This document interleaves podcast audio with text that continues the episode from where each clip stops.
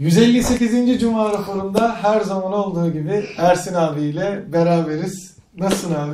İyi. Yaz geldi sonunda. Evet artık gösterdi. Geçen haftaki serzenişinden sonra. Kupanın ilk günü. Evet. Türk, mi, Türk, Türk, milli takımının ilk günü. ilk maçı. Açılış maçını İtalya ile Roma'da yapıyoruz. Ve o maçı orada seyredecek olan insanlar var. Ne kadar keyifli değil mi? Kesinlikle. Yani hem İtalya hem kupanın açılış maçı hem İtalya Türkiye maçı. Süper çok güzel. Türkiye'nin de e, galiba tarihindeki ilk açılış maçıymış. Yani Öyle mi? Hiçbir açılış Hmm. maçına denk gelmemiş. O açıdan da güzel. Tabii e, yeni genç ekip hatta e, Euro 2020'nin en genç kadrosu olarak bayağı ümidimiz yüksek. Şeyler de hani yurt dışındaki basın da ana favori olarak göstermese de e, büyük sürpriz yapabilecek, Sürpriz büyük yapabileceğimiz yapan şey. e, bir ekip olarak gösteriyor. İkimiz de eski formaları çaktık. Takı- takım bugün beyaz formayla çıkacak büyük bir ihtimalle sahaya öyle değil mi? İtalya'da klasik mavisiyle Ma- çıkar. maviyle çıkıyor. İtalyan'ın da forması güzel bu arada. Onu da kabul etmek lazım. Tabii. Onların mavileri güzel bir mavi. Biz o beyaz şey vintage mı diyoruz ona şimdi? Aslında evet vintage Şey yani eski hatta ilk e, resmi milli forma olarak kabul edilebilecek bantlı e, formalar e, hazırlandı. Daha önce de o konsepte formalar çıkmıştı. Bizim de Euro 20 kapsamında HVP'de bir projemiz var. Onu da söyleyelim Evet. yeri gelmişken. Arkadaşlar zaten bugün saat evvelde 11 falan gibi yayına aldık o videoyu. Şu an yayında. Şu an zaten Ee, arkada da da görünüyor. görünüyor. Aynen öyle. Biz kupa boyunca 13 maç değil mi Aydoğan? 12 maç. 12 maç. 12 maç. Toplam 12 maçı. Yani Türkiye'nin gruptaki tüm maçlarını ondan sonra yarı finaller, finaller şey e, İkinci çi- tur çeyrek yarı e, final. Aynı öyle. Tamamını e, maçın olduğu gün gündüz oynayacağız. E, PES'te oynayacağız. Evet. Ve bizim skorun ne olduğunu sosyal medyadan paylaşacağız. Aynen. Bugün biz 0-0 berabere kaldık İtalya ile. Benim gönlüm yenmemizden yanaydı ama 0-0 beraberlikte başlangıç İtalya gibi bir takıma. Kesinlikle. İtalya'da Roma'da başlangıç için milli takım açısından fena bir açılış değil. Bakalım ne kadar denk Onu da söyleyelim. onu da merak Akşam Cuma raporu yayınlandıktan sonra yorumlarda şeyi alırız. Ee, maçın skorunun Evet. ne olduğunu, ne olacağını arkadaşlardan alırız zaten, takip ederiz. Ee, bu projeyi TCL televizyonla birlikte yapacağız. Sağ olsunlar bizim e, 12 maçımıza birden sponsor oldular. E, Cuma raporunu izleyen arkadaşlardan da özellikle rica edelim. Lütfen kanaldaki o videoyu da izlesinler. O videonun altına da yorum yapsınlar ve eğer zamanları varsa e, bizim o video ile ilgili sosyal medyada yaptığımız paylaşımları da like etsinler, retweet etsinler, altına yorum yapsınlar. Niye böyle bir ricada bulunuyorum? HVP e, 10 yıla yaklaşan bir süredir yayın hayatında. Bunun bir kısmında basılı dergi olarak vardı. İşte son zamanlarda da artık tamamen Dijital. dijital yayıncılığa şey yapmış durumdayız, kaymış durumdayız. Bu yaptığımız proje HVP tarihi boyunca gerçek anlamda yapmak istediğimiz e, bizim için proje kapsamına giren işlerden bir tanesi. Nedir bu? E, birlikte çalışacağımız markaya yeterince görünürlük sağlamak öncelikle. İkincisi birlikte çalışacağımız markanın ürünlerinin özelliklerini izleyenlerimizle doğru bir şekilde paylaşmak ve markanın bizden e, olmayan bazı şeyleri varmış gibi telaffuz etmemizi istememesi. Evet. O yüzden e, buradan Bilkom yöneticilerine de bir kez daha teşekkür edelim. Bizi bu projede özgür bıraktıkları için Evet. şey Sağ anlamında sunumu yapma, videoyu çekme vesaire vesaire anlamında ve tamamen HVP'nin yayıncılık anlayışına saygı duyarak bu projenin içinde bulunmayı kabul ettikleri için. O yüzden benim açımdan çok önemli bir proje. Benim çok keyif aldığım yaparken e, her, aşı- her aşamasının içinde olmaktan mutluluk duyduğum bir proje. O yüzden de Cuma Raporu izleyicilerinin de bu anlamda bize destek olmalarını rica ederim. Ben biliyorsun kolay kolay izleyicilerimizden herhangi Evet. bir şey rica etmekten yana değilim. E, ama lütfen Cuma Raporu yine çok keyifli olacak. Büyük bir ihtimalle bir saate aşkın bir süre. Cuma raporundan sonra dönün o videoyu da izleyin. Her maçtan sonra yayına aldığımız videoları da izleyin. Ve sosyal medyadan bu seviyeye zamanınız el verdikçe, içinizden geldikçe e, destek olun. Çünkü yine söylüyorum HVP'nin tek destek kaynağı sizlersiniz, bizi izleyenler. Ve sizlerin verdiği destek göründüğü zaman çok belli bir şekilde ortada olduğu zaman bizim yaptığımız iş çok önemli değil Aydoğan bence. Çünkü şöyle çok önemli. Biz kendi işimizi yapıyoruz. Farklı bir şey yapmıyoruz. Ama arkadaşlarımız bizim işimizi destekledikleri zaman bu biraz önce saydığım hani e, markaların bizi özgür bırakma, e, bizden yalan yanlış şeyler söylememizi talep etmeme filan gibi durumları daha da sağlıklı bir hal alacaktır. Yani atıyorum bugün TCL ile yaptığımız bu kampanyada izleyicilerimizin desteğini gören başka markalar gelecekte de HVP'yi kendi yayın hayatında daha özgür bırakacaklardır. Doğru. Bizim özgürlüğümüz en nihayetinde Türkiye'deki son kullanıcıların da özgürlüğünü ile alakalı olduğu için çok önem veriyorum bu projeye. Yoksa hani bu projeden e, kazandığımız para açısından çok önem veriyor değilim. o işin e, yani şu Ersin yayıncı, Ersin aynı zamanda HVP'nin yöneticilerinden birisi. O işin Ersin'in HVP'nin yöneticisi olduğu kısmını ilgilendiriyor. Ersin'in yayıncı olduğu kısmı çok ilgilendirmiyor. O yüzden e, lütfen bu yaptığımız TCL TV projesinde bize destek olabildiğiniz kadar destek olun. Kesinlikle hatta şunu da ekleyelim.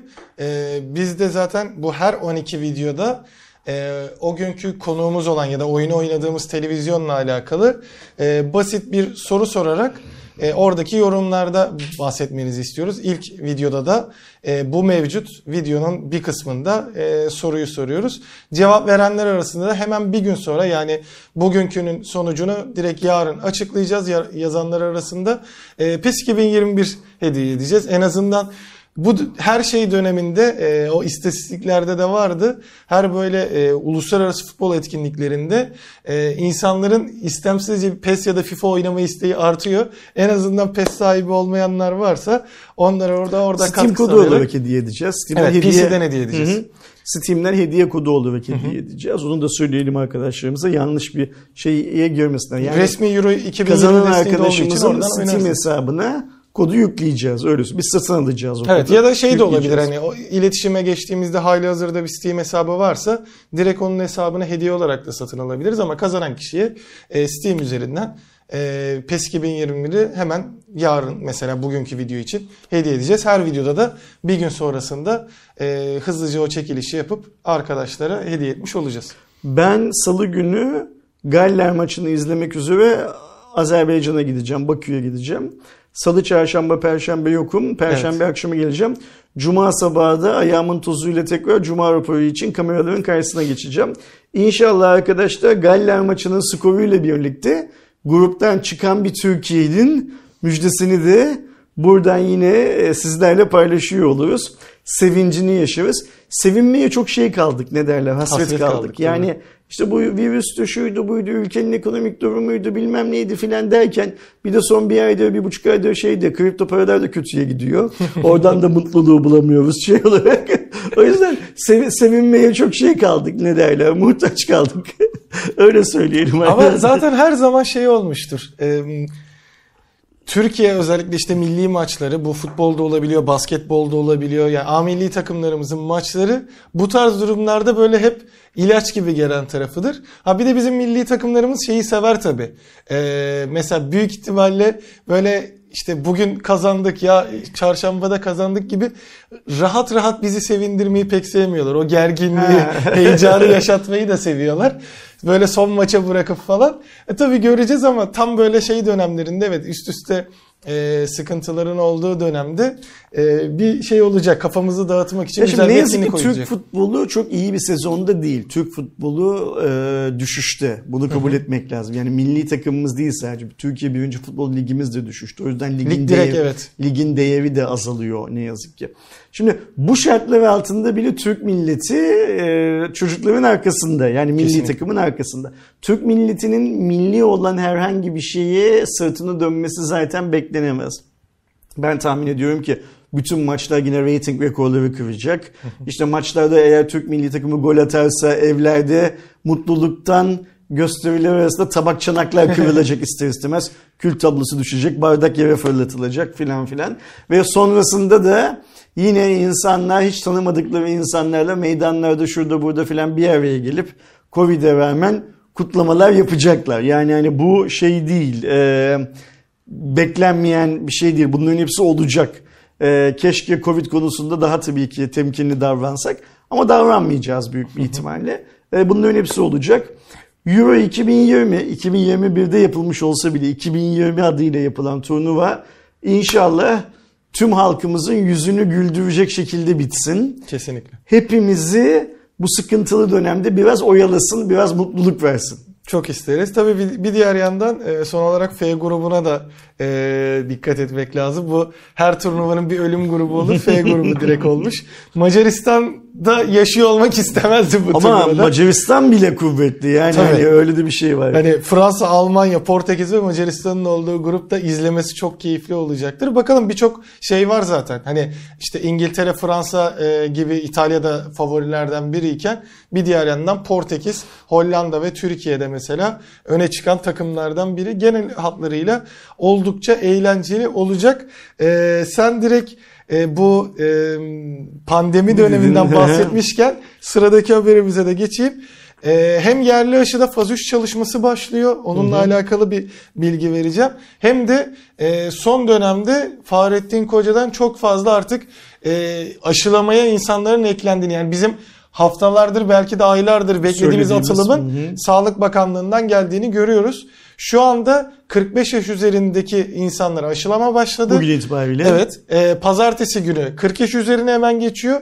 Aynı zamanda şu anda yaştan bağımsız restoran, kafe ve e, işte ne derler ona yemek sektöründeki insanlar ve aynı zamanda toplu taşımadaki kişiler ve avukatlara da yaş sınırı olmadan e, bugün itibariyle aşılamalar başladı. Şimdi Covid-19 aşı.sağlık.gov.tr'den anlık olarak bakıyorum. İkinci doz, ikinci doz uygulanan kişi sayısı 13 milyon 534 bin şu anda. Biz yayına başlarken 13 milyon 532 bindi. Yani artıyor rakam çok Evet. güzel. Güzel olan şeylerden birisi de şu. Birinci doz uygulanan insan sayısı da 18 milyon kişi şu anda. Yani bu demektir ki bu 18 milyon kişi 18 milyon 900 bin aydan 930. Demek ki arkadaşlarımız bunu izlerken büyük bir ihtimalle 19 milyona gelecek bu rakam. Evet. 19 milyon kişi 28 gün sonra kısmetse inşallah ikinci dozlarını da almış olacaklar. Yani 13 milyon hala hazırda ikinci dozunu almış olan insanla 20 milyon diyelim. 42-43 milyonu nüfusun bir ay içerisinde e, ikinci dozu da olmuş olacak kısmetse inşallah. Bir terslik olmazsa. Ben hep Türkiye 100 milyondan hesaplıyorum biliyorsun. E, Temmuz'un 15'i 20'si gibi bu 100 milyonun minimum 40 milyonunun e, ikinci dozu da olduğunu varsayacağımız bir e, yaz ortasına uyanacağız. Bir bayram dönemi yaşayacağız. Kurban bayramı dönemi yaşayacağız. 100 milyonda 40 milyon çok iyi rakam. Yeterli mi? Değil. Bizim çoktan 60 milyon, 65 milyon gibi iki dozu olmuş olan insan sayısına da ulaşmış olmamız gerekiyordu. Ama hızlı işte hani diyorum ya vatandaş için bir şey yapılacaksa şu aşıyı yapın bir an önce diyorduk. Ne hükümet en sonunda durumun vahametini sanırım anladı, vehametini anladı Ee, ve şeyi açtı, e, aşı sınırlarını açtı. Senin söylediğin gibi ilk önce 45 yaş üstüne ondan sonra 40 yaş üstüne ve meslek gruplarına özel paketler hazırladılar. Yaz sonunda inşallah bir 60-65 milyona ulaşırsak aşılanmış insan sayımız olarak artık e, virüsten hani tedbiri elden bırakmadan hayatı normalleştirme adına birçok şey yapabiliriz. İnşallah işte Haziran'ın bugün 11'i 11 Ağustos'ta, 15 Ağustos'ta, 20 Ağustos'ta yani Ağustos bitmeden resmi olarak biliyorsun Ağustos bitince yaz biter aslında Evet. şöyle. Resmi olarak yaz bitmeden maskeleri en azından sokakta maskeleri çıkartır atarız e, şeyden. Umarım. Sadece bir AVM'ye falan girdiğimiz zaman maske takmak zorunda kalırız. Tüm dünyadaki ülkelerde yapıldığı gibi ve e, ardından da yine hızlıca bir şekilde aşı olmayan kardeşlerimiz de aşılarına olurlar ve böylece %100'e yakın bir orana ulaşırız. Zaten e, %100'e ulaşmaktaki en büyük şeylerden biri de şu anda işte en başta söylediğim gibi e, yerli aşı çalışmamızdaki faz 3 ama şöyle bir durum var onu bir baştan söyleyeyim. Yerli aşı denildiğinde şimdiye kadar çok fazla e, farklı üniversitelerden, farklı bilim insanlarının yaptığı e, projeler olduğu için kafada bir türlü oturmamıştı. Şu anda en azından En e, çabuk ilerlemiş olan da VLP dediğimiz e, virüse benzer protein bazında geliştirilen bir aşı çalışması. Ben faz 2 çalışması duyurulduğunda başvurmuştum. Anladığım kadarıyla faz 2 tamamlanmış. E, benim başvurumu kabul ettiler. Twitter'dan da e, Seni faz 3'te paylaşmış. kullanacaklar. Faz büyük 3'te önümüzdeki haftadan itibaren e, Türkiye'de birden Evet. çok aşı çalışması Evet. yapılıyor. Ee, sanırım bu senin aday olduğunu ve kabul edildiğin en hızlı sonucu göreceğimiz yani olumlu ya da olumsuz en hızlı sonucu göreceğimiz çalışma Bir olacak. de zaten e, yenilikçi çalışmalardan biri nasıl BioNTech'in mRNA olarak geçiyorsa işte farklı bir virüs e, zararsız bir virüsün içine oradaki RNA yapısı entegre ederek vücudun tanınması ve antikor üretmesi sağlanıyorsa VLP'de de bu bildiğimiz COVID-19 e, hastalığını veren e, SARS-CoV-2 virüsündeki 4 protein bileşenini alıp içerisinde bir RNA yapısı olmadan e, sana sağlıyor ve zaten bu virüsteki en tehlikeli durum sizin e, ciğerlerinize e, bu spike dediğimiz dışındaki proteinlerle yapışma durumu olduğu için e, bunu direkt tanımasını sağlıyor ve e, yapılan çalışmalarda da yurt dışındaki aldığı çalışmalardan da gördüğümüz üzere e, en etkili olması beklenen e, şey ve şu anda dünyada galiba 4 ya da 5 adet bu tarz bir e, çalışma var. Dünya Sağlık Örgütü'nün e, aşı adayları listesinde resmen yer alıyor ve aynı zamanda e, yapan bunu geliştiren e, iki profesörümüz de e, eşler. Biri Bilkent Üniversitesi'nde, diğeri de e, ODTÜ Üniversitesi'nde e, moleküler biyoloji ve genetikte çalışanlar. Onlarla alakalı zaman ben de merak edip çok araştırma yaptım. E, özellikle şeyi vurguluyor e, her iki e, profesörümüz de. Bu evet bizim başında olduğumuz bir çalışmadır ama e, biyoloji ve moleküler biyoloji alanında çalışan ODTÜ'lü ve Bilkentli gençlerin yaptığı araştırmalar. Asıl yükü onlar e, taşıyorlar olarak söylediler. Yani bu açıdan da baktığımda ben gönüllü olmaktan daha çok şey oldum. Çünkü e, kendini geliştiren gençlerimizden böylesine güzel bir çalışma görmekte ve uzun süredir beklediğimiz yerli aşının da e, çıkacak olması önemli. Teknoloji böyle bir şey zaten. Yeni yeni şeyler ortaya çıkması lazım. Yani o bizim ta yıllar önceden bildiğimiz aşılama sisteminin hala devam etmesi şart değil. İşte senin bu anlattığın gibi Biontech gibi yeni yeni yöntemlerin ortaya çıkması gerekiyor. Teknoloji sadece 4500 miliamperlik cep telefonu pilinin 5000 miliampere çıkması değil. Kesinlikle. Teknoloji aslında böyle bir şey. Ee, hayırlı olsun. İnşallah tez zamanda o Türk aşısının da insanlara vurulabilir forma kavuştuğunu şey yaparız, görürüz.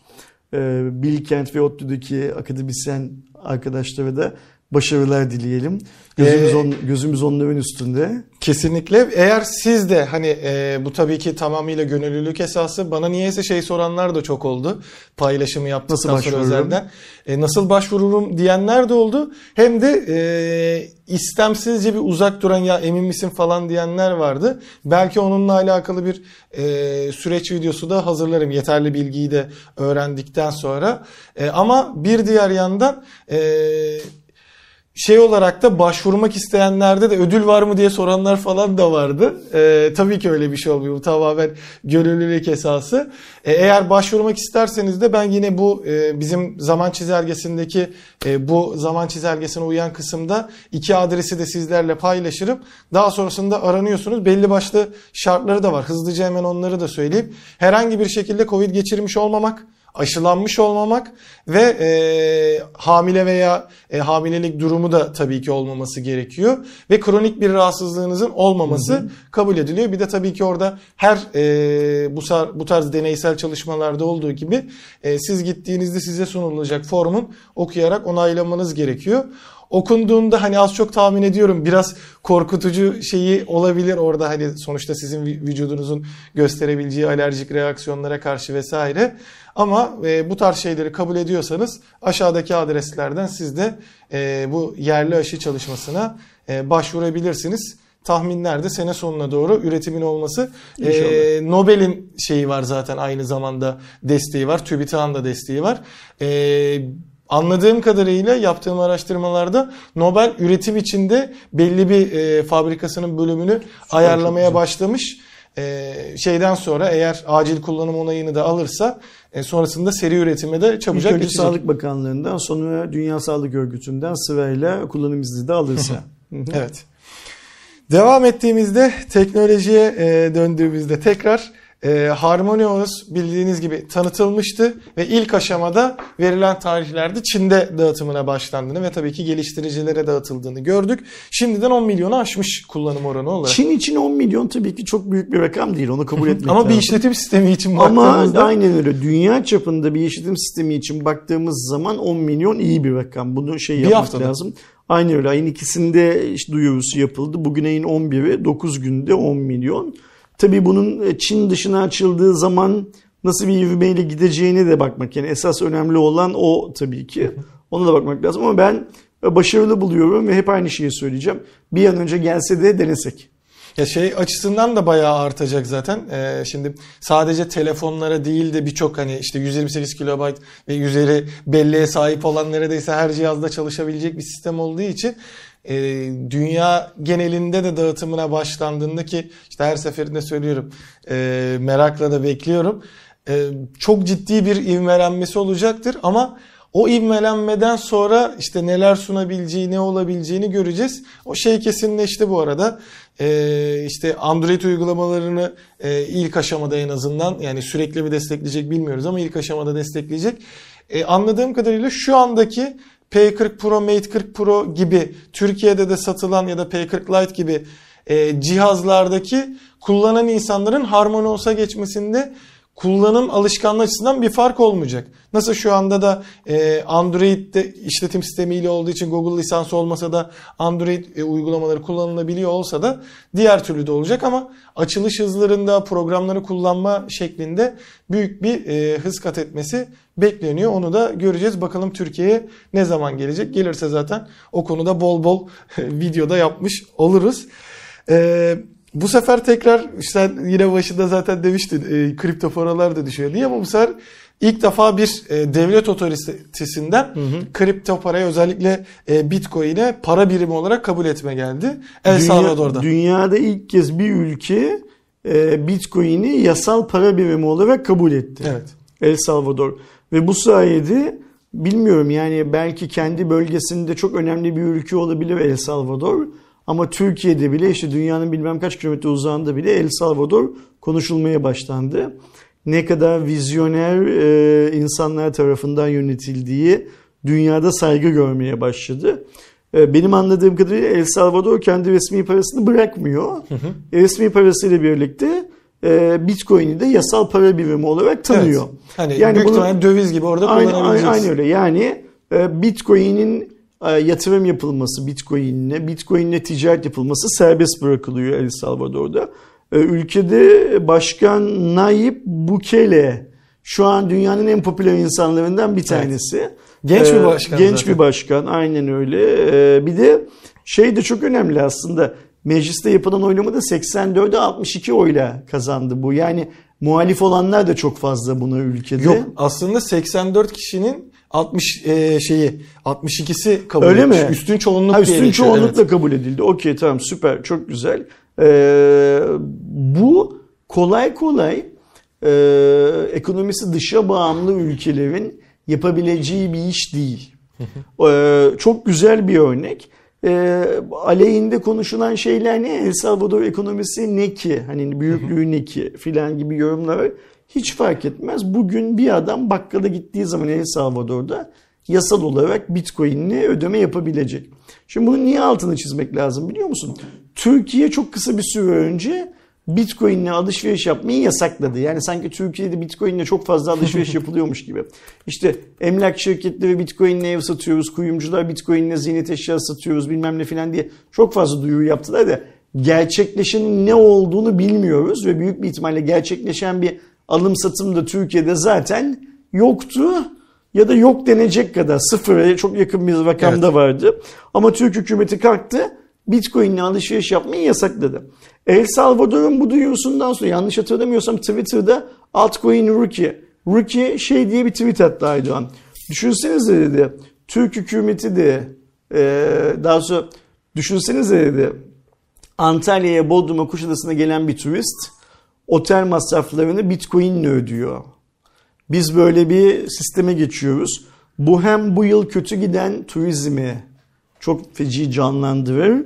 Tabii ki. Hem El Salvador'un şu işten ne kadar prim yaptığını, reklam yaptığını Mesela bu yazki turizmine bakalım El Salvador'un. Aynen öyle. El Salvador'un sırf bunu resmi para birimi olarak, yasal para birimi olarak ilan ederek ne kadar prim yaptığını düşünürsek Türkiye'nin adı dünyada ne kadar pozitif olarak algılanır. Ama gelin görün ki Türkiye'de e, şey olarak e, alışveriş enstrümanı olarak e, kripto paraların kullanılmasını çok kısa bir süre önce hükümetimiz yasakladı. Şimdi ben diyorum ki bari sadece tu- turistlere özel hadi bizi koruyorlar paramızı kaybetmeyelim falan diye de e, turistlere özel turizm sektörünün içinde belli kademelerde nedir o belli kademeler? Konaklama, atıyorum halı kilim alımı filan gibi müze girişleri filan gibi belli kademelerin bir an önce Bitcoin'le ödeme kabul eder hale getirilmesi, devletin bunu onaylaması lazım. Ve Türkiye'nin turizm sektörünün işte virüs yüzünden can çekiştiğini söylüyoruz ya, bitmeye yakın olduğunu söylüyoruz. Bak Rusya dün birçok ülkeye uçuşları açtı. Tü- Türkiye açtığı ülkelerden bir tanesi değil. Ee, bir an önce turizme böyle bir can suyu verilmesi lazım. Ha turistler geliyor buraya bitcoin'le ödeme yaparlar yapmazlar. Bu ayrı mevzu. Bu sizin olaya nasıl baktığınızı dünyaya anlatabilmek için. Aynen. Bu El Salvador'un topladığı like'ları Türkiye'nin de toplayabilmesi için. Ve insanların işte Fethiye'deki Ölü Deniz fotoğrafını paylaşıp ben burada denize girdim parasını Bitcoin'le ödedim diye sosyal medya paylaşımları yapabilmesi için çok gerekli bir şey. Şeyde listelere falan girer zaten. İlla ki yavaş yavaş hazırlanmaya başlanır. Birkaç ülke daha girse mesela. Bitcoin'le e, tatile gidilebilecek Aynen yerler öyle. diye. Rookie çok güzel bir şey söylemiş sağ söyledi sağ olsun. Ee, yasak koymakla her şeyin altından kalkamıyoruz. Biraz geniş bakmak lazım. İnşallah Ticaret Bakanlığı, Masak, Merkez Bankası filan filan kimler o yasağı koydularsa o yasağın böyle biraz esnetilmesi konu ve turistlerin bu harcamaları Bitcoin'le yapabilmeleri konusunda desteklenmesi açısından hızlıca bazı önlemler ve yol gösterme işleri alınır. Çok zor bir iş değil. İnan çok zor bir iş değil. Yani hani bugünden yarına bile yapılabilecek Evet. bir iş. Umarım yaparlar ve umarım sonucunu görürüz diyelim. Umarım. E, kripto paralardan devam ettiğimizde e, Fenerbahçe Başkanı Ali Koç da e, açıklama Hı hı. yaptı. Dedi ki kripto para işinde e, 100-150-200 diye gidecek bir dijital gelir beklentimiz var diyerek ilk başta e, YouTube projesinden 5-6 milyon lira gelir elde ettiklerini kriptolardan da 100-150 milyon gelir elde etme amacıyla bir kripto para işine gireceklerini Şimdi duyuyor. başkan çok düşük, küçük düşünmüş bence. Yani ya bu TL ise 100-150 milyon. Yani bunu şunun için Evet, söylüyorum. lira. Bugün e, çok kötü kripto para projeleri bile 10 milyon dolar ve 15 milyon dolar para topluyorlar dünyada. O yüzden 10 milyon 15 milyon dolar dediğim sonra zaten 100 yapıyor başkanın hesabıyla.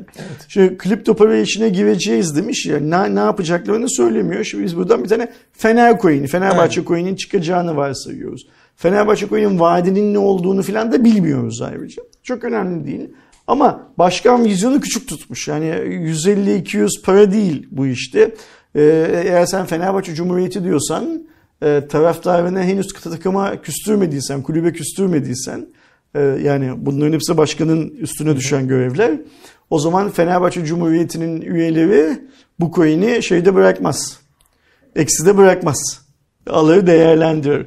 Sen bu coin'le ne sunacaksın? Bize onu söyle. Yani mesela eğer diyorsan ki ben şu kadar coin arz edeceğim. Bu coin'lerin hepsi satılırsa Fenerbahçe kesin şampiyon olacak. Onu konuşalım. O coin'i alanlar ne yapacaklar? Yani hani o, onu Üyelik konuşalım. sistemine mi dahil edecek? Aynen Nasıl öyle. yapacak? Ama e, Fenerbahçe coin tabii ki çıksın, çıkmasın değil. Başkan da bu 100, 100 150, 200 falan gibi komik paraları kendine dert etmesin. Takım çıksın sahaya, iyi oynasın. Fenerbahçe taraftarı o 100'ü, 200'ü, 300'ü falan şey yapar, e, sağlar. Zaten hani e, işte sistemini çok iyi bilen biri değilim coinlerin ama bir yükseliş trendine çıkarsa zaten e, Türkiye'deki en böyle nasıl diyeyim e, net bir şekilde taraftar hatta holigan seviyesinde taraftar olan Galatasaraylısı Beşiktaşlısı da Fener Coin'e yatırım yapmaya başlar. Oradan Başta bir de şöyle bir şey var. Erdoğan. Ee, diyorum ya bugün çok kötü e, bundan iki yıl sonraya falan kar paylaşımı yapacağının vaadini yapan coinler bile çok kolay 10-15 milyon dolar topluyorlar piyasadan zaten. 15 milyonda 10 milyon dolar hadi düz hesap olsun. 8.4 8.4 mu bugün dolar? Öyle olması lazım. 8.5 diyelim de o da düz hesap olsun. Onu 8 milyon 8.5 85 milyon yapıyor zaten. Yani başkanın dediği 834'e düştü. Başkanın dediği 100, 150, 200 zaten bir çırpıda toplanıyor. Adı Fenerbahçe Coin olmasa bile toplanıyor. Sen adına Fenerbahçe Coin dediğin zaman ne vaat edeceksin taraftara? Ne vaat edeceksin taraftarın olmayan kripto para yatırımcısına? Burada önemli olan şey bu. Mesela Fenerbahçe e, kripto para borsası işine girsin. Yani coin işine gireceğiz demiş ya başkan. Coin işine girmek e, benim Fenerbahçe vizyonuna yakıştıramadığım bir şey. Girecekse kripto para borsası işine girsin Fenerbahçe. Yani. Daha büyük oynasın. Yani Şampiyonlar Ligi'ni kursun kendi içinde kurabilecekse. Fenerbahçe'de bunu yapacak güç yok mu? Bunu yapacak insan kaynağı yok mu?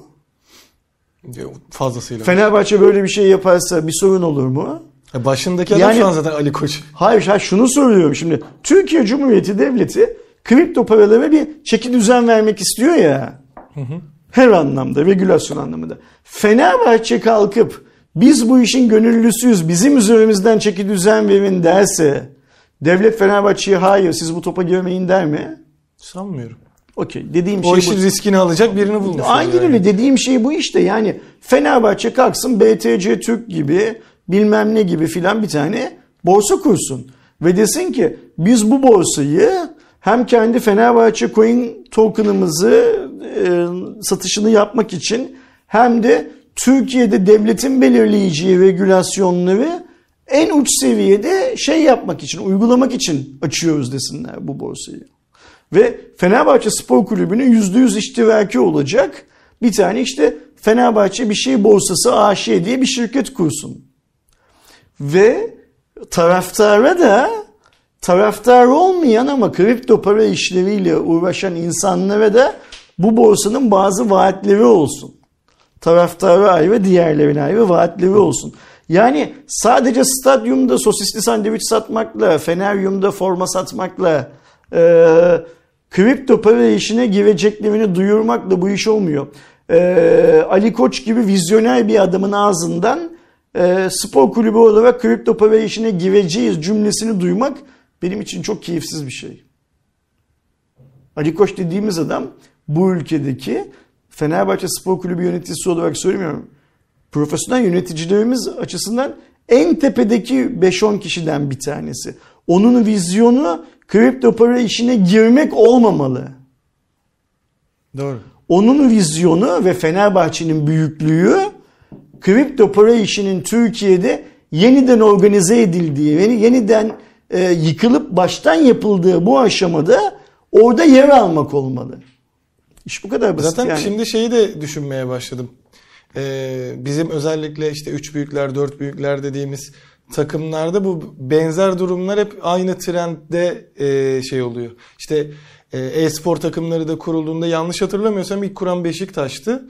Daha sonrasında hemen diğerlerinden de çıktı ya da hangisiyse yanlış hatırladıysam da e, kusura bakmayın. Bunda da mesela şu an tam örneğin Galatasaray kanadındaki başkanlık seçimleri neticesinde e, zaten birçoğunun vurgusu da dijital e, dönüşüm oluyor. Onlar için de bir şey olacak e, bence bir. Aa evet buradan Ya köşedeki bakkal da dijital dönüşüyor. Zaten dijital dönüşüm artık çağımızın şeyi de benim söylemeye çalıştığım şey şu Erdoğan.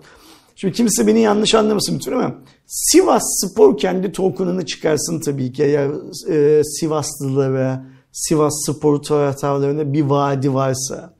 E, Diyarbakır Spor çıkarsın, Malatya Spor çıkarsın. Bunlar ayrı bir mevzu. Ama Fenerbahçe, Galatasaray, Beşiktaş'a bu tokenları çıkarmak yakışmaz. Bunu söylüyorum sadece. Tıpkı sadece bizim de e-spor takımımız var demek onlara yakışmadığı gibi. Şimdi mesela bu üç büyüklerin kendi spor okulları var değil mi? evet. Basketbol okulları, futbol okulları, voleybol okulları var. Niye var bu okullar?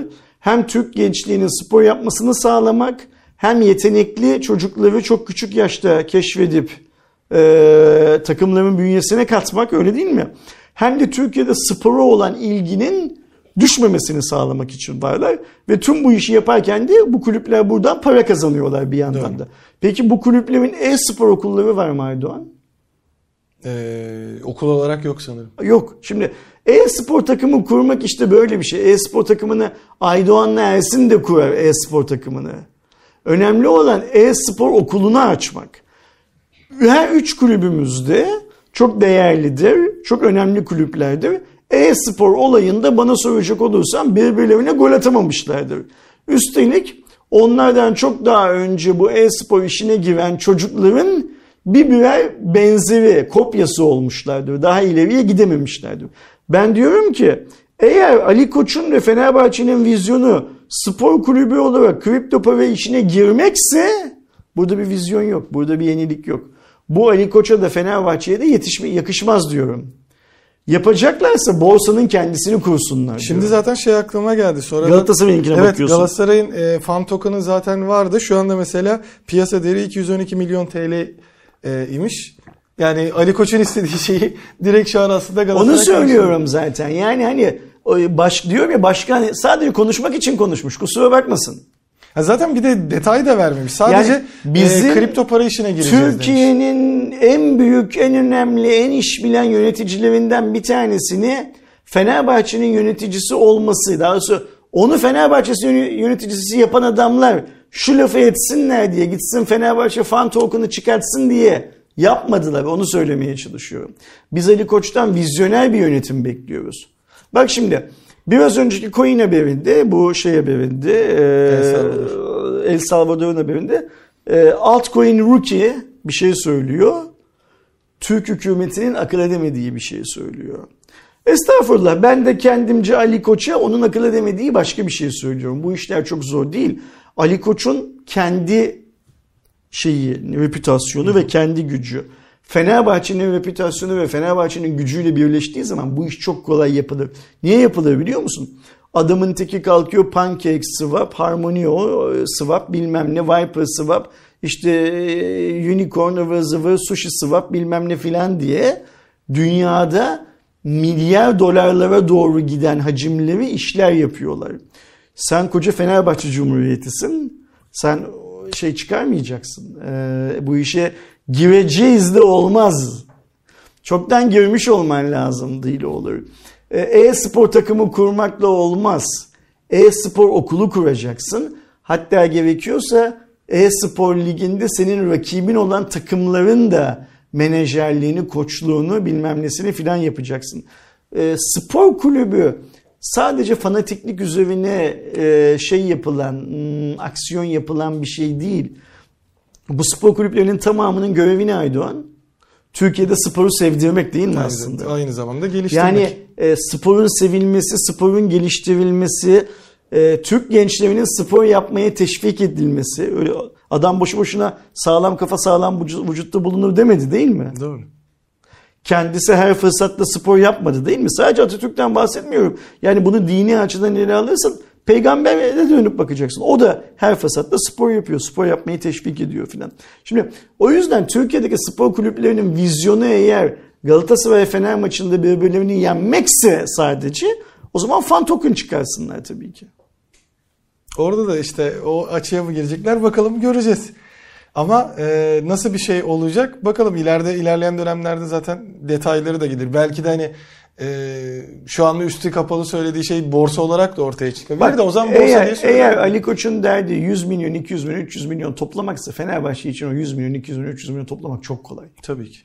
Borsa morsa coin moin işine girmesinler o zaman. Boşu boşuna ağrımayan başlarına bela almasınlar. Baş ağrısı almasınlar. Yani bir Aynen de öyle. tersten anlatmaya çalışayım olayı. Yani hani e, Fenerbahçe'nin 200 milyon lira toplamak için coinle moinle filan işinin olmaması lazım. Fenerbahçe bugün bize para gönderin diye tweet atsa 200 milyon gönderirler. Fenerbahçe'nin şey haliyle. O Fenerol'da falan bile Ee, kaç milyon toplandı. kötü haliyle yani kötü dediğim taraftarın kulüple arasının giderek açıldığı bu günlerde bile o para toplanılır. Fenerbahçe'nin görevi vizyoner işler yapmak bence. O vizyoner işleri yapacak adam diye Ali Koç seçildi zaten. Evet. Vizyoner bir yönetici diye düşünüldüğü için seçildi. Ali Koç kalkıp spor kulübü olarak kripto para işine gireceklerini duyurduğu zaman ortada vizyon vizyon görmüyoruz biz. Doğru. Token Jenny diye bir şey var Sayın Başkan. Token Jenny'ye giriyorsunuz. Token Jenny nokta e, ya com ya da EA olması lazım. Dur adresi de şuradan bakayım. Tam olarak şey yapayım söyleyeyim de e, eğer başkan bilmiyorsa öğrensin. E, Orkmuş. org mu? Evet. Token Jenny evet yazdık. IO C, şey e, IO IO sonu. Jenny NFT IO. E, bu web sitesine giriyorsun Sayın Başkan. E, kendi token'ını 10 dakikada hazır hale getiriyorsun. Daha ne diyeyim yani eğer Fenerbahçe kendi token'ını Şey yapacaksa muhabbeti oradan mı çıktı o zaman? Bu e, geçtiğimiz günlerde de yine konuşuldu da onu dahil etmemiştim. Şeyman Subaşı'nın da e, şeyi çıkmış diye. Böyle kendi coin'ini tedavüle sokabileceğin onlarca opsiyon var Aydoğan. Sen bu e, protokollerin hangisine dahil olacaksın? Yani Binance Smart Chain'de mi olacaksın, Harmony'de mi olacaksın, Uniswap'ta mı olacaksın, Ethereum tabanlı mı olacaksın, başka şey tabanlı mı olacaksın? İlk önce bunlara karar verilmesi lazım bir şey anlamında da. Benim söylediğim bu benim bildiğim. Yani mesela şimdi biz bu token Jenny üstünden, Jenny kızımız üstünden şeyi de böyle avatarda bir kız çocuğu olduğu için söylüyorum. Ersin coin'i de çıkartırız 10 dakikada. HVP coin. HVP coin'i de çıkartırız. Canı isteyen bir yıl tokat coin'i de çıkartıyordur zaten. Benim söylemeye çalıştığım şey şu. Ee, Fenerbahçe coin çıkar başkanın filan ruhu duymaz. Eğer Fenerbahçe Spor Kulübü olarak kripto para işine gireceklerini duyuracak aşamaya geldiysek o coin çoktan çıkar. Başkanın ruhu bile duymaz böyle bir coin çıktığını. O yüzden olaylara daha farklı bir açıdan bakalım. Sayın Başkan demeye çalışıyorum. Hadi geçelim OnePlus haberine. OnePlus da e, yeni bir telefonunu duyurdu. Bu da yine orta seviyede Nord'un e, yenisi denebilir bir ihtimal. Nord CE 5G olarak geçen modelde 6.43 inçlik e, Full HD Plus e, 90 Hz'lik AMOLED bir ekranımız var. 410 ppi değeri mevcut. Snapdragon 750G kullanıyor.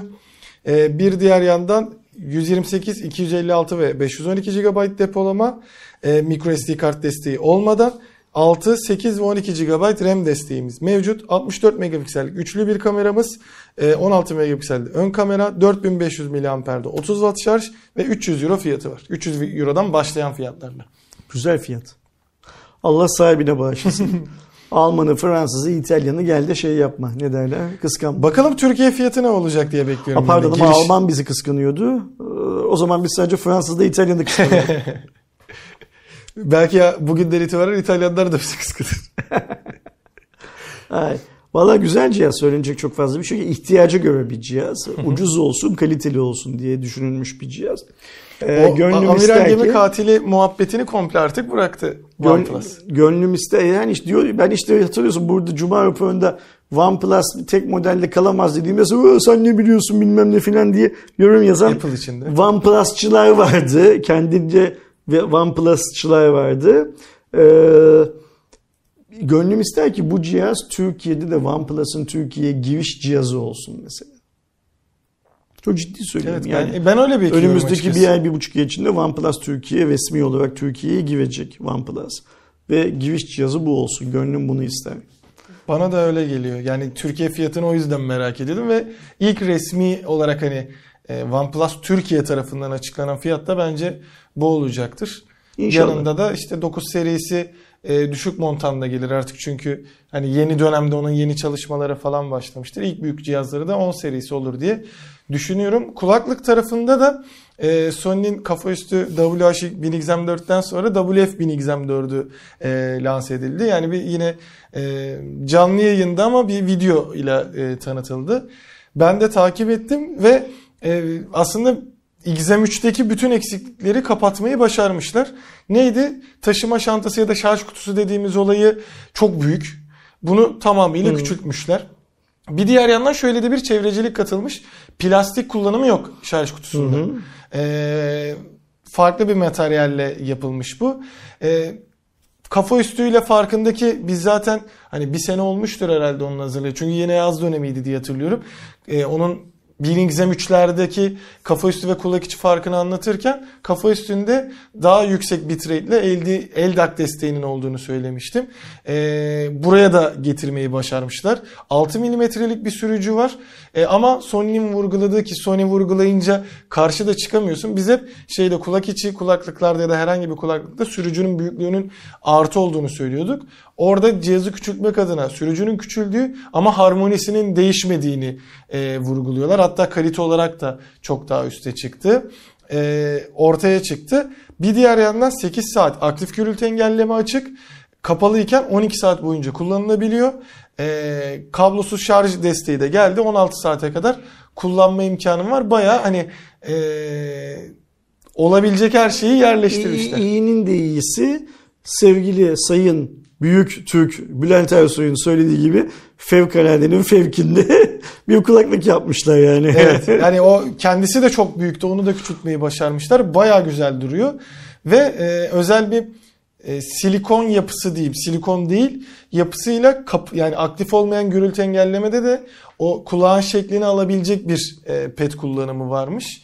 Onu da söylediler. Tabi e, ben Murat Hoca ile konuştuktan sonra hep bunları biraz mesafeli durmaya başladım ama Sony bunu da gönderirse tabi e, seve Gönderir, seve gönderir. testini yaparız. Sadece şimdi OnePlus Nord için 300 euro demiştik. Bu da Bu- bu- bu 280 da euro. 280 euro, Am- am- aynen. Amerika'da da 280 dolar fiyatı var. O biraz şey yapıyor tabi. İşte fevkaladenin fevkinde olunca nasıl Bülent Ersoy'u izlemek biraz masraflıysa e, fevkaladenin fevkinde kulaklık sahibi olmak da biraz masraflı. Ya ama anladığımız kadarıyla yani TVS kulaklık bünyesindeki tepe model yine Sony olacak gibi. Onun da fiyatı da haliyle tepe olacak gibi duruyor ama bakalım bir Türkiye'ye gelsin. Ee, o zaman şeylerini görürüz. Apple kanadına geçtiğimizde e, geçtiğimiz gün yapılan WW ya da onların tabiriyle DC'de yeni e, işletim sistemlerini tanıttı. Yeni bir donanım gelmedi. Özellikle bekleniyordu aslında. MacBook Pro vesaire bekleniyordu. Sadece e, amacına uygun şekilde gitti. To- Tom. Bitler'in gözü yaşlı. yeni MacBook Pro gelse onlara da yeni MacBook Pro gelecekti. Eski MacBook Pro'yu satmak için fırsat doğacaktı. Keşahat böyle bir şey. Yani e, şey olarak yazık oldu. Yani e, çok büyük yenilikler yok. E, Hiçbir yok. Ben oturup hani takip etmiştim canlı yayını. E, iOS 15'te e, özellikle yani en azından birçok e, önemli yenilik denebilecek konuda e, FaceTime'daki kişi sayısı artırılıp Android ve PC ile de tarayıcı üzerinden paylaşma getirilmiş ve zoom özelliklerini de getirmişler. İşte e, ekran paylaşma vesaire gibi özelliği var. Hatta e, Hulu vesaire gibi servisler var. Yani Türkiye'de ne kadar aktif kullanılır bilmiyorum ama Amazon'un Apple TV'si de aman e, Apple'ın Apple TV'si de olacağı için e, ortak dizi film izleme muhabbetini de getirmişler. Ekran paylaşımıyla aynı servisten şey Ne izleyebiliyorsun. diyorduk Apple lansmanlarında? İngilizce olarak. E, bu sefer kullanmadılar onu. İşte onu söyleyeceğiz. Öyle şey. Magnificent yok. Magnificent değildi. Neydi? Yok. Ha, Bak. E, e, Apple, Yok. e, e, Onu e, söylem olarak e, söylüyorlar. e, Apple bize bunları hep unutturuyor. Unutturmaması Artık lazım. dememeye aslında. başlamış İşte demek. onu, onu unutturmaması lazım ama şimdi şunları da yenilik diye önümüze koyduğu zaman hani en e, çok beslenen tombik bile diyemez bir şey zaten. Ya zaten burada en büyük e, gelişme iPadOS'ta var. O da zaten iOS'e getirdikleri o uygulama çekmecesi vesaire gibi ya da yeni widgetler en azından geniş ekrandaki bir tablet deneyimini daha da aktifleştiriyor ama onun dışında Ge- geçelim. Boş Çok ver. da büyük Hiç- bir hiçbir şey bok yok. işte yenilik olarak. Ee, yani yersen var yenilik, yemezsen haritalara gargara 3 yap. boyutlu şey getirilmiş. Wallet'a kimlik ekleme getirilmiş ama bunu destekleyen tabii ki ülkelerde olması lazım. BMW'nin daha önce duyurduğu da işte o telefondan kilit açma muhabbeti de işte Apple'da başlayacak. Anahtarsız girişi telefonla beraber yapabilecekmişiz. Ha burada tek takdir edilmesi gereken şey sürüm olarak i- iOS 15'in hala 6S'e tekrar geliyor olması.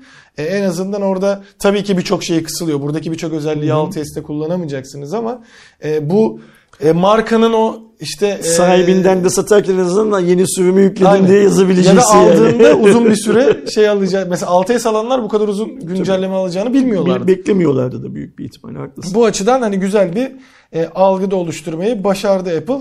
Oyun kanadında da e, bu da zaten e, hızlıca geçeceğim şey ama meraklıları varsa e, dün yapılan aslında e, yine bir teknik olarak daha öncesinde başladı da resmi etkinlikler yarından itibaren başlıyor.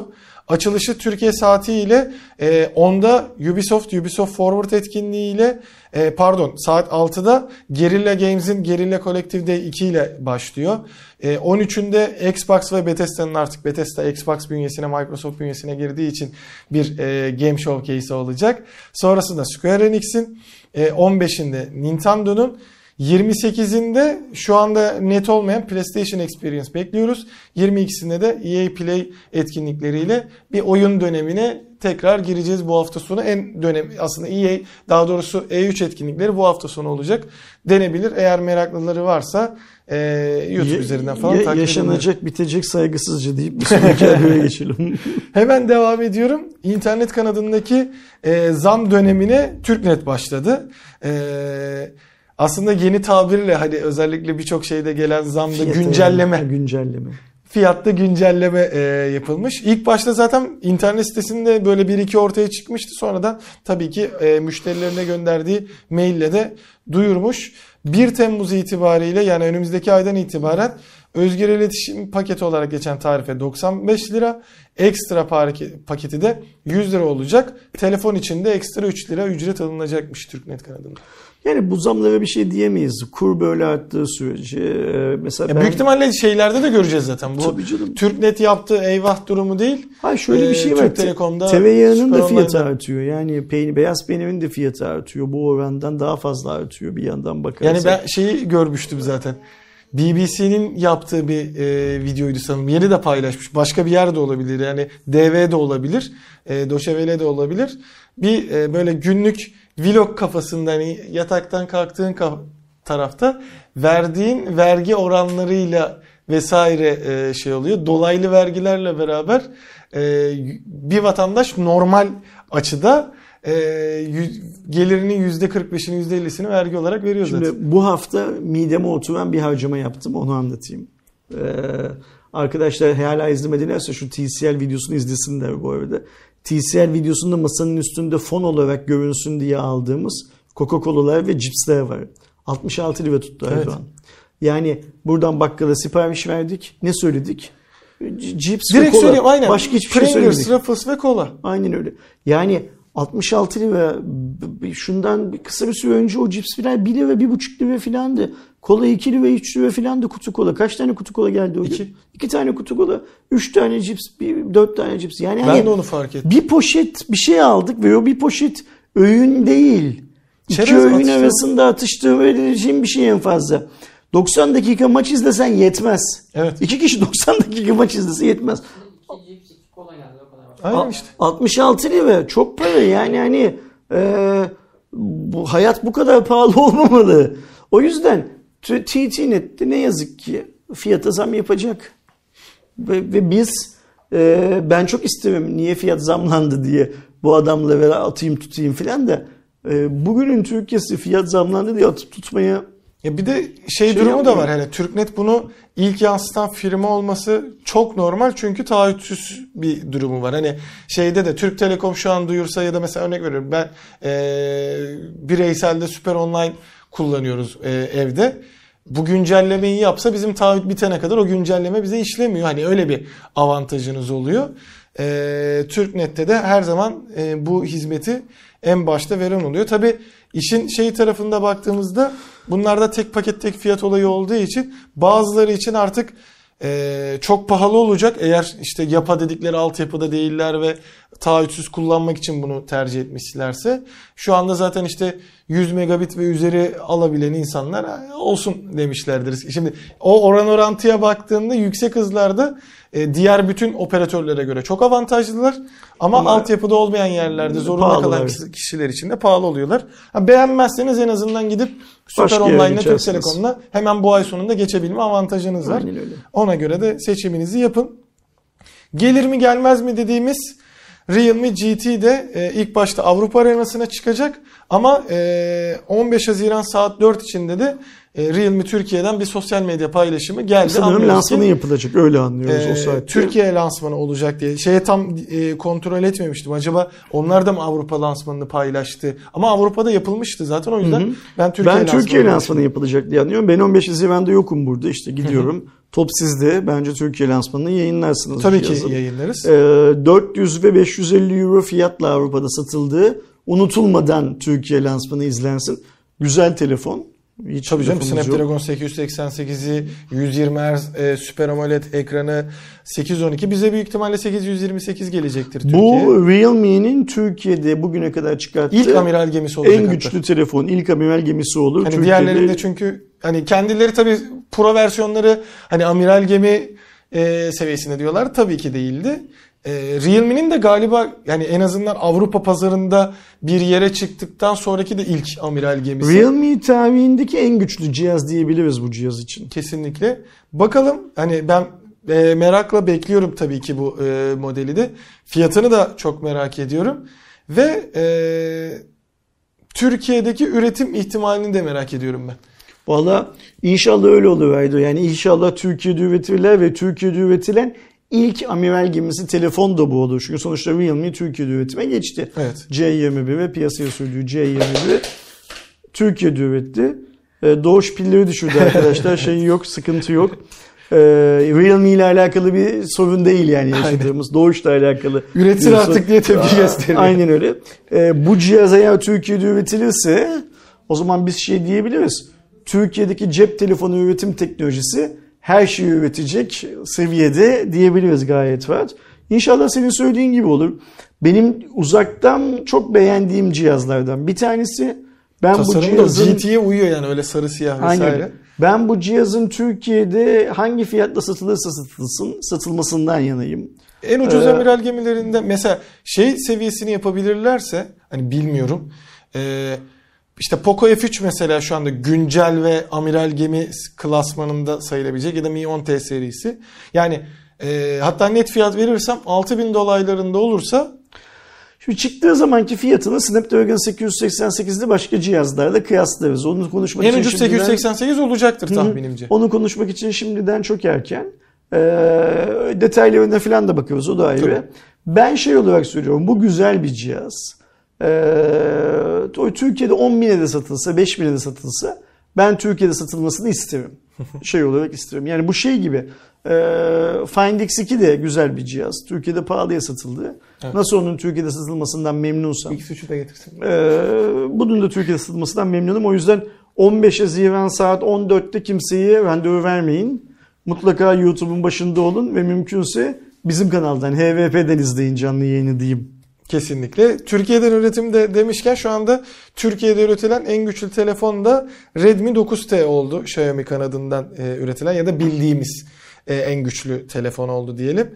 E, Snapdragon 662'li 6.53 inç Full HD Plus IPS ekranı ve 6000 mAh bataryasıyla Türkiye pazarında da dikkat çekebilecek 2800 lirada fiyatı olan bir e, cihazda yerli üretim e, vurgusuyla Xiaomi'nin fabrikasında üretilmeye ba- başlandı Salcom tarafında.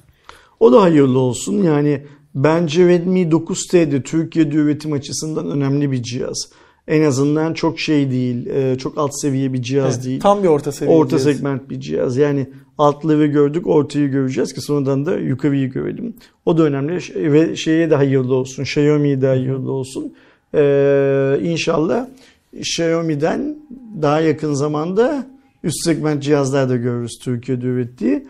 Son haberlerimize doğru gidiyoruz değil mi? Evet. Son haberimiz HP Amerika Birleşik Devletleri'nde yani ABD pazarında PC satıcısı olarak, bilgisayar satıcısı olarak Apple'ı geçti. Evet. Senelik %122 artışla. de. E, Apple'ın muazzam Büyümeyi. bir pazar payı vardı Amerika'da. Kolay kolay geçilemiyordu. Geçen yılın değil mi? Geçen yılın sonuçlarına göre HP şeyi geçti. Apple'ı geçti. Ee, Bu yok, şeyde Q1 2021'de geçti. 2020'de. Yani M1'li cihazlarda mı geçti? Evet, M1'li aslında. cihazların olduğu zamanda mı geçti? Ama onlar daha yeni shipment olmaya başladığını düşünürsek hani Q2'de görmek lazım. Q1'deki yani geçen seneki bu dönemdeki ilk çeyrek raporuna göre Apple %25 gibi bir paya sahipken HP %16.4'müş. İkinci sırada e, da aslında Dell varmış %19'la beraber. Bu sene geçen seneye göre işte HP'de %122'lik %122'lik doğru söyledim. Bir büyümeyle %21.1 e, pay almayı başarmış. Apple'da %19.5'a gerilemiş. E, sayılara baktığımızda geçen sene 4921 e, adet e, ürünün e, şeyi varken 6678'e çıkartmasına rağmen Apple e, HP 3256'dan 7201'e Hmm. çıkartmış. Apple'ın satışları düşmemiş. Apple'ın satışları da artmış. Ama HP'ninki daha çok artmış. Evet. Buradan onu anlıyoruz değil mi? Aynen öyle. Tamam, güzel. Rekabeti iyidir. Şey değildir. Orada sen o tabloyu büyük bir ihtimalle ekrana koyarsın. Arkadaşlarımız Samsung'a baksınlar. Samsung ABD'de hala laptop pazarında varken Türkiye'de laptop pazarında yok. Yani Ve orada Samsung da çok az bir artış olmuş. Samsung gayet başarılı. Ben bana soracaksan laptoplar yaparken benim bugüne kadar kullanmaktan en keyif aldığım laptopum Samsung bir laptoptu mesela. Ee, hep söylüyorum onu. Şu anda da kız arkadaşım Suzan kullanıyor. 5-6 yıllık laptop olmasına rağmen ve her seferinde aramızda kalsın ne de olsa izlemeyecek. Bu çok güzel bir bilgisayar değil mi? Filan diye soruyor. Çünkü gerçekten güzel bir bilgisayar. Gerçekten. Sam- Ben de mesela yıllarca bir Samsung laptop kullanmıştım. Ee, şimdi de e, başka birine verdim ve o kullanmaya devam ediyor. O yüzden e, biz tekrar Samsung'u keşke Türkiye'de laptop üreticisi olarak görsek. Hazır şey e, Huawei pazara yeni yeni cihazlar getirirken bu Everest falan gibi markalar Çin'de ürettirdikleri şeylerin üstünde kendi markalarını basıp Türkiye'de satarken yani tüm dünyada olduğu gibi Türkiye'de de bir laptop talebi varken Samsung'un da tekrar pazara girdiğini keşke görsek. Ee, son olarak da geçtiğimiz hafta mı konuşmuştuk hatırlamıyorum. Ondan önce de işte e, Cahreyn'e, Ahmet'e e, Kemal Kılıçdaroğlu'nun e, konuk olmasını e, şey yapmıştık. Sonrasında yanlış hatırlamıyorsam Ahmet bir çağrı yaptı e, e, Ahmet Davutoğlu'na, ya pardon Ali Babacan'a E, ya da Ali Babacan ben de e, katılmak Hı hı. isterim gibi bir durum oldu. Sonuçta cumartesi günü de saat 20.30'da Deva Partisi'ni e, kuran Ali Babacan da e, bu yayına katılacak. Ben ilk bu Twitter üzerinden konuşmalarına denk gelmiştim e, Ahmet'in paylaşımlarında. E, benim dobra sorularım hani şunu istiyoruz bunu istemiyoruz demeyecekseniz buyurun gelin demişti. Ali Babacan da hay hay dedi. Eğer bu e, şeffaflıkta ve dürüstlükte olacaksa e, Ahmet'in de o tarz konularda sert sorular sorabileceğini en azından birçok kanalda e, sorulmayacak ya da belki istenmeyecek soruları sorabileceğini Türkiye'nin kötü bir durumu var. Kötü durum şu işte bu muhalif siyasiler ne yazık ki konuşabilecek, dertlerini anlatabilecek Platform bulamıyorlar. bulamıyorlar. Bulamadıkları için de iş Ahmet'e Mehmet'e filan kalıyor. Ahmet akıllı bir çocuk. Ben kendisiyle ilgili kafamda herhangi bir negatif şey yok, e, düşünce yok. Ama şöyle bir şey var. e, Ali Babacan'la ilgili çok böyle memnun olduğumu söyleyemem. E, Ahmet eminim bu gezi hikayesine bir girecektir. E, Ali Babacan da yine de ya işte biz o davadan çekilemiyoruz ki filan gibi böyle laflar edecektir büyük bir ihtimalle. E, bu hayırlı olsun. Ben ben hoşlansam da hoşlanmasam da tüm siyasilerin ne düşündüklerini açık açık söylemelerinden yanayım. Ee, Ali Babacan'ın ne yapmaya çalıştığını çok dikkatli izliyorum. Ee, tüm muhalefet partilerinin ne yapmaya çalıştığını çok dikkatli izlediğim gibi.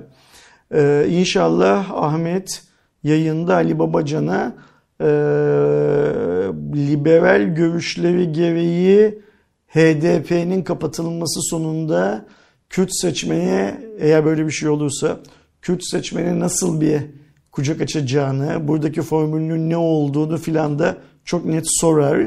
Ee, yani gönlüm ister ki bu konuşmalar e, mainstream televizyonlarda olsun, prime time'da yayınlansın.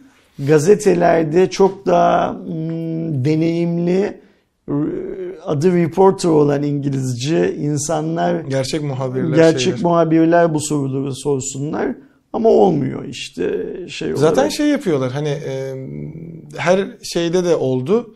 Mesela işte Sayın Kemal Kılıçdaroğlu katıldıktan sonra e, muhalefete yakın olan e, gazeteler ve işte sosyal medya mecraları e, aradan cımbızla en güzellerini seçip sundu. Şeyler de e, hükümete yakın olanlar da aradan cımbızla seçip oradaki tabirlerdeki kötü şeyleri ya da böyle belli kısımları keserek şey yapıyorlar. ne yazık ki O yüzden böyle- yayınları böyle- izlemek böyle- daha mantıklı. Böyle bir ülkede yaşıyoruz ne yazık ki. Geçen şeyler paylaşılıyordu. Ben mesela e, küçüklüğümde en azından işte 32. gündür vesaire falan platformların videolarını da izlediğim için ya da gördüğüm için garipsemedim ama bir şey özlemi oldu.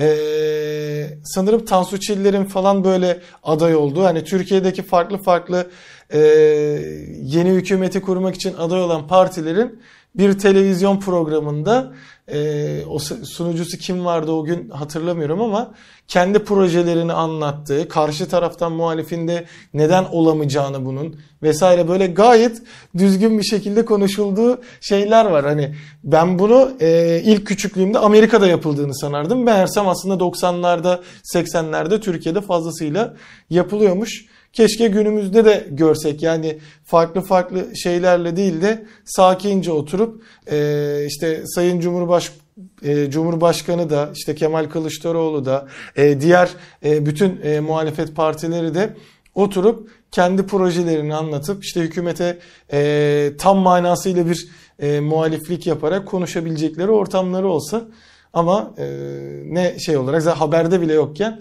şimdi hangi şeyde olacak durum olur e, en basitinden.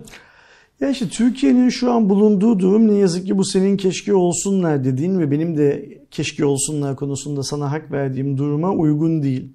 Ee, bugün Türkiye'de medya sadece iktidar partisinin ve hükümetin ikisi aynı olduğu için onun sözlerine yer veriyor. Muhalefetin sözlerini hatta ana muhalefet partisinin sözlerini bile yeterince yer verilemiyor. O yüzden işte bu diğer aktörler, daha küçük aktörler daha az yer buluyorlar. İş o yüzden Jahreyn'e kalıyor. İş başka arkadaşlara kalıyor. Yeni platformlara kalıyor. Yeni platformların belki görevlerinden bir tanesi de budur. Evet, yani so, Türkiye gündeminde e, YouTube, Twitch bayağı bu aralar önemi artmaya başladı televizyonda. Belki şey de o yüzden biz bu yeni platformları bu kadar önemsiyoruzdur. Yani hani tarih belki kendi içinde bir şeyleri bildiği için yeni platformları çıkarmıştır. Türk insanının buna ihtiyacı olacak diye belki YouTube çıkmıştır. Bilmiyoruz neyin ne olduğunu. Çünkü Türk insanı son zamanlarda birçok şeyi YouTube'dan şey evet. yapıyor ne derler öğreniyor. Ahmet'e başarılı bir yayın dileyelim. Ben Ahmet'in yapacağı yayında yanlış bir şeyler yani e, bilerek herhangi bir şeyin yanlış yapılacağını düşünmüyorum. Ahmet'in soru sorarken yanlı davranacağını filan da düşünmüyorum.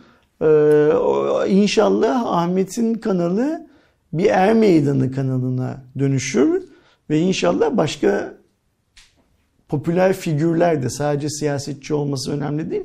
Başka popüler figürler de Ahmet'in misafiri olurlar. Eğer böyle bir talep varsa Ahmet de ona cevap verir inşallah.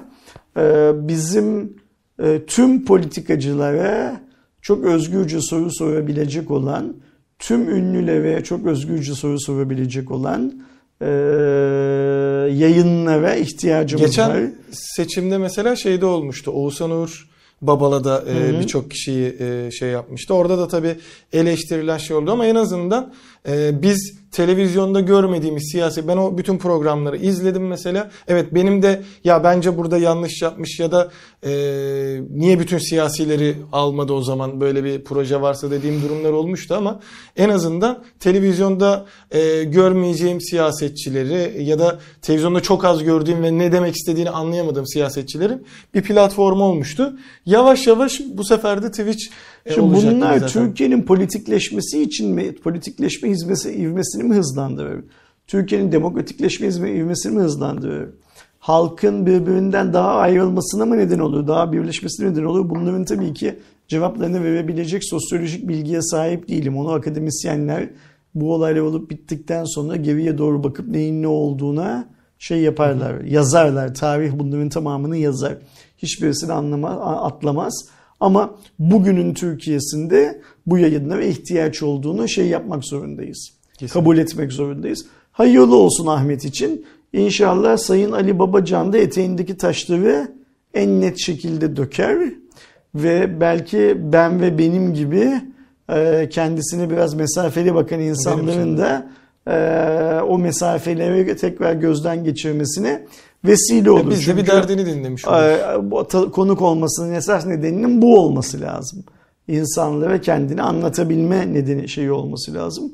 Başarılar dileyelim ve Cuma raporunu bitirelim. Neyle bitiriyoruz Cuma raporunu? Bugün hazır karşımda Aydoğan şu Covid-19 aşı sağlık gov.tr adresi açıkken biz Cuma raporunu çekerken rakam nasıl değişmişi söyleyelim arkadaşlar.